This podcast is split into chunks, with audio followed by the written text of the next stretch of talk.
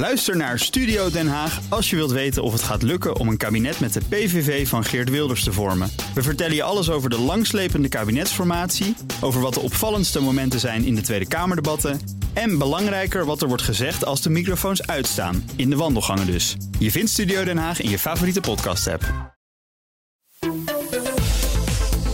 We gaan uiteraard praten over Israël, Gaza en over Oekraïne. Want dat zijn de twee conflicten waar eh, de hele wereld eh, over nadenkt. Israël bereidt zich voor op een grootschalige militaire actie. Zo lijkt het althans. 300.000 reservisten van de Israëli Defense Force... zijn samengetrokken bij Gaza, bij de grensstrook daar. Verschillende leiders in de regio gaan de koppen bij elkaar steken. Het laatste nieuws is dat Anthony Blinken morgen op bezoek gaat... bij de Palestijnse leider Abbas. Eh, maar ook vandaag al naar Israël reist. En tegelijkertijd probeerde gisteren de Oekraïnse president Zelensky... alle eh, NAVO-ministers van de Defensie bij elkaar te houden in Brussel... om ook de aandacht voor Oekraïne op peil te houden. Bij ons buitenlandcommentator Bernard Hammelburg... en Europa-verslaggever Geert-Jan Haan vanuit Polen. Heren, goedemorgen. Goedemorgen. Goedemorgen. Bernard, de allereerste situatie in Israël nu. Hoe, hoe is het daar vannacht? Zijn er weer nieuwe beschietingen geweest door het Israëlisch leger op Gaza? Ja, het is in afval één richting verkeer. Dus er, er, wordt niet of nauwelijks meer geschoten op, op Israël. Dat kan wel weer komen hoor, want ze hebben nog zat raketten in, uh, in, in Gaza. Maar dat is dan nu even niet gebeurd. Ja, inderdaad uh, weer een stevige aanval op uh, Gaza. Het aantal doden is daar nu net zo hoog als in Israël. Dus dat is 12, 1300. dat is enorm veel. Ja. Um, en uh, uh, je zei het al in je inleiding, uh, alles lijkt erop dat ze echt overgaan tot een invasie. Hm. Dat, dat is nogal wat, nou. omdat, het ook al eerder over gehad. Um, je, het is heel moeilijk om te doen, omdat Gaza is zo een, uh, ja, een, een, een, klein gebied met, met allemaal kleine straatjes en weggetjes en paden. Daar, daar kun je met je tanks niet ver komen. Dus dat wordt dan heel veel gewoon straatgevechten. Hm. Uh, hè, gewoon uh, de infanterie, ouderwetse voedsoldaten. Ja. Met geweren en waarschijnlijk pistolen en messen. Hm. Uh, dus dat wordt een enorm bloedbad. Het is iets waar van alle kanten tegen wordt gewaarschuwd. Ja. En het is ook nog niet aan de hand. Maar ja, alles lijkt of wijst erop Ja. dat ze het echt gaan doen. Het wordt een stadskirurgie. Ik sprak vanmorgen met Marten Kruijf. Die zei, je weet niet wie je staat, tegen wie je staat te vechten. Want Hamas Nee. heeft geen uniform aan. Dat is de bijkomende ellendige factor. Andere is, Ja.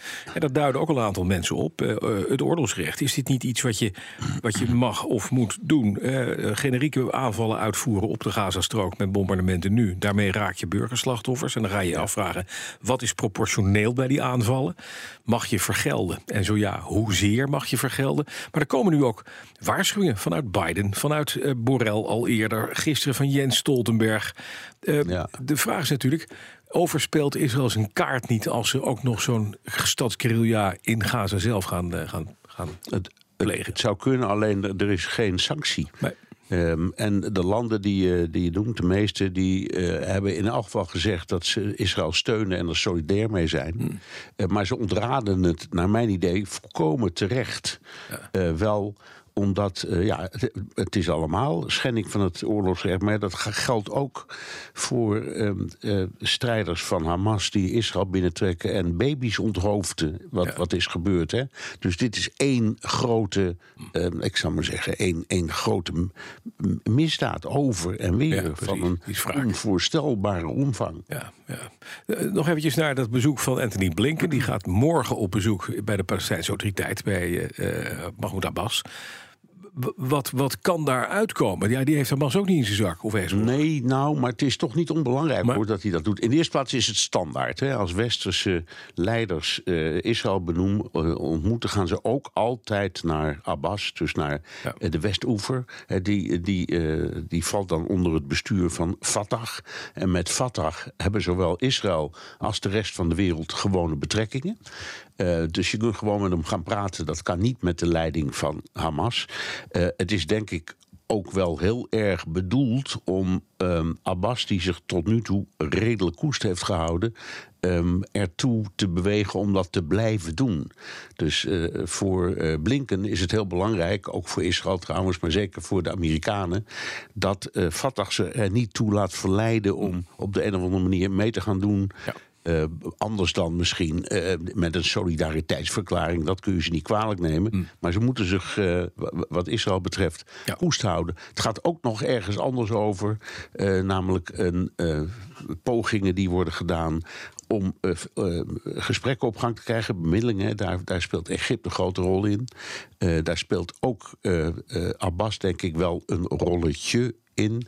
En heel opmerkelijk, China bemoeit zich daar nu ook mee. Dat is voor het eerst. Ehm, dat riep eerst wat het altijd roept: wij kiezen, wij maken geen keuze in zo'n soort conflicten. Hou gewoon op met vechten. Eh, maar wij gaan niet vertellen wie er gelijk of ongelijk heeft. Eh, de, Blinken en maar ook anderen hebben de Chinezen daarvoor een standje gegeven. Zeggen: jongens, soms moet je dat wel doen. En de Chinezen hebben daar positief op gereageerd. Dus die hebben gezegd: wij bieden nu ook onze diensten aan Ja. om eventueel bemiddeling op gang te krijgen. Ja. Nog eventjes naar een, een politiek ding. Netanyahu en, eh, en Benny Gantz, zijn grote rivaal, hebben een regering gevormd. Daar zit ook eh, eh, Galant in, de, de, de, de, huidige bevelhebber van het leger. Maar niet, en die heeft hij eruit gegooid, de extreemrechtse partij van Ben Gvir. En Lapid, de oppositieleider. Nee, het is een hele wonderlijke oplossing. Ja. Het is wel praktisch. Er zitten trouwens ook nog ehm, van weerskanten een stelletje adviseurs in dat kabinet. Het is iets groter dan alleen drie mannen. Ja, ja. Die drie mannen. Maar strikt genomen zijn er nu twee kabinetten. Want het oude is niet onttakeld. Formeel moet het oude kabinet nog steeds toestemming geven voor dingen die het nieuwe kabinet eh, besluit. En dat Lapid niet meedoet, dat is reusachtig jammer. Want dat is de grootste, eh, in ieder geval meest invloedrijke oppositiepartij. En ook een klein beetje de vertegenwoordiging van, eh, ik zal maar zeggen, een beetje eh, de elite in Israël. Dus het, is, het zou heel belangrijk zijn als die zich zou hebben aangesloten. Maar die zegt, zolang Ben Gvir niet uit dat oude kabinet wordt verwijderd, dan kan Is ik dat dit nog? niet doen. Ja, Dat is ja. reusachtig jammer, want je moet ook eigenlijk over je eigen schaduw heen stappen in zulke omstandigheden. Maar goed, het is ook wel te begrijpen. Nog even naar Jan, jij bent in Polen. Polen waarschuwde direct dat de aandacht voor Oekraïne niet mag verslappen nu er oorlog is in Israël. Eh, Zelensky zagen we gisteren die plotsklaps afreizen naar Brussel. Ook daarom, om inderdaad te zeggen, jongens, wacht even. Wij hebben een conflict, daar moeten we het ook over hebben. Dat denk ik wel. Ja. Want hij was in eh, Roemenië ehm, en hij is eh, daarna naar Brussel eh, gegaan. Ja, ja. De Poolse president Duda hier, die, die zei begin deze week dat niet alle aandacht nu naar Israël mag gaan, want dan speel je Rusland in de kaart.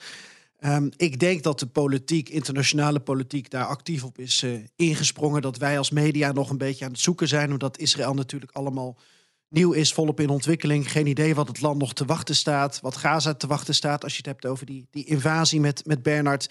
Dus het is ook wel te billig hè, dat daar veel aandacht voor is. Maar ik denk dat Zelensky daar wel handig op inspeelt, eh, naar mijn mening. Hij is naar Brussel gegaan, dus heeft laten zien, ik doe hier moeite voor. Ja. Voor al die nieuwe steunpakketten die jullie mij geven. De Duitsers 1,1 miljard euro. Ja, het zijn ongelofelijke bedragen. Eh, 200 miljoen euro extra van de Amerikanen. En wat Zelensky volgens mij ook slim doet, is dat hij zijn solidariteit toont met Israël. Dat hij dus zegt: het is logisch dat het Westen is begaan met Israël. Westerse leiders moeten daar ook zo snel mogelijk naartoe. Eh, en, en dat zijn de woorden van Zelensky. En dan krijg je dus nu ook verhalen dat Zelensky zelf binnenkort naar Israël zou gaan. Nou, ik denk om twee redenen dat dat nog niet aan de orde is. Eén, Israël heeft al iets beters te doen dan de beveiliging van Zelensky te garanderen. En twee, Zelensky wil de oorlog in Israël koppelen aan zijn eigen oorlog. Hè. Dus Israël wordt aangevallen door eh, Hamas, ehm, door Iran, misschien mogelijk ook nog door Hezbollah. Dat zijn de vijanden. Eh, en hij wil het op gelijke voet plaatsen met Rusland. En ik denk dat Israël nog niet zit te wachten op het beeld eh, van dat Rusland een gelijke terreurstaat is als terreurbeweging Hamas. Ja, dan eventjes naar eh, ehm, eh, een ander ding. Je zei het al eventjes, de steun in, eh, in, in Europa. Slowakije heeft natuurlijk afgelopen weekend een stembusgang gehad. Hè. Toen is die meneer Fico die is gekozen van de Smer. Die heeft inmiddels een regering samengesteld, een coalitieregering. En die is echt pro-Russisch. Betekent dat dat Oekraïne daar ook een deel van zijn steun kwijt is? Nou, dat weten we nog niet echt. Omdat hij gaat samenwerken met een, eh, een partij die een soort eh, afsplitsing is van zijn partij. Ja. De Stempartij. En eh, de leider van die stempartij, meneer Pellegrini, die deed een hele vage uitspraak gisteren. Die zei van ja, eh, qua buitenlandbeleid hoef je echt niet weg te gaan uit Slowakije, want we blijven in de EU en we blijven in de NAVO. Niks over of hij dan als voorwaarde heeft gesteld dat Oekraïne gesteund moet, moet blijven. Ja. Ik denk vooral dat het ehm, in Brussel vervelend wordt met deze landen vanuit Brussel bezien. Omdat zij, uh, omdat Slowakije en Hongarije, mogelijk ook Polen hier naar de verkiezingen, dan natuurlijk makkelijker kunnen optrekken. Um, en in Slovaaks en Hongaars geval je makkelijker sancties tegen Rusland kan, um, kan blokkeren, bijvoorbeeld. Militair gezien was Slowakije ook weer niet zo'n grote speler. Het is meer het signaal dat hier uh, vanuit gaat. Ja, nog eventjes naar het, is er nog nieuws over de Russische oorlog in Oekraïne? Want we horen nu inderdaad door de oorlog in Israël eigenlijk geen nieuws uit Oekraïne. Nee, maar dat is er wel. Ja, uh, en, en dat ik, nou ja, weet je, Bernard en ik hebben het er ook over. We willen het ook helemaal niet vergelijken. En in beide gevallen is het, is het belangrijk voor Europa, omdat ook de oorlog in Israël impact heeft op een heleboel Europeanen. Zeker. Uh, maar het is wel zo dat er vannacht weer aanvallen op Oekraïnse havens zijn geweest. Ook Donauhavens bij Roemenië, dus bij NAVO-gebied. Het is ook zo dat Rusland weer een offensief is begonnen in het zuidoosten bij Avdivka. Mogelijk om ja, de Oekraïnse troepen wat meer uiteen te spelen. En we zagen uh, nieuws over de F-16-coalitie. Uh, dat het uh, trainingscentrum in Roemenië volgens onze minister Ollongren echt uit de grond wordt gestampt. En dat dat over een paar weken betekent dat dan kan worden begonnen met de trainingen van, hmm. van Oekraïnse vliegers in Deense en Nederlandse F-16's. En de Amerikanen die gaan dan daar de boel overnemen. Dus Drake International, dat is de onderaannemer van Lockheed Martin, die gaat dan de begeleiding op zich nemen. dus voor de vroegste optie die tot nu toe wordt genoemd. Hè, dus de inzet van F-16's uh, van de Oekraïne in het voorjaar van 2024. Ja, daar ligt die coalitie voor op koers. Um, al is dat nog steeds pas over een half jaar. En ongelooflijk wat er allemaal kan gebeuren in een week überhaupt. Zeker. Dank jullie wel. Buitenlandcommentator Bernard Hammelburg en Europa-verslaggever Geert-Jan Aan.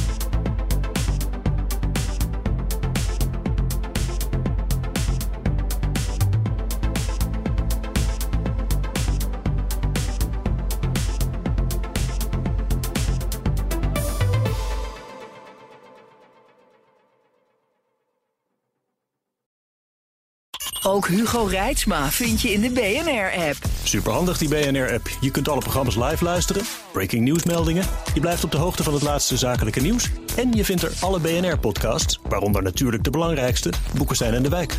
Download nu de gratis BNR-app en blijf scherp.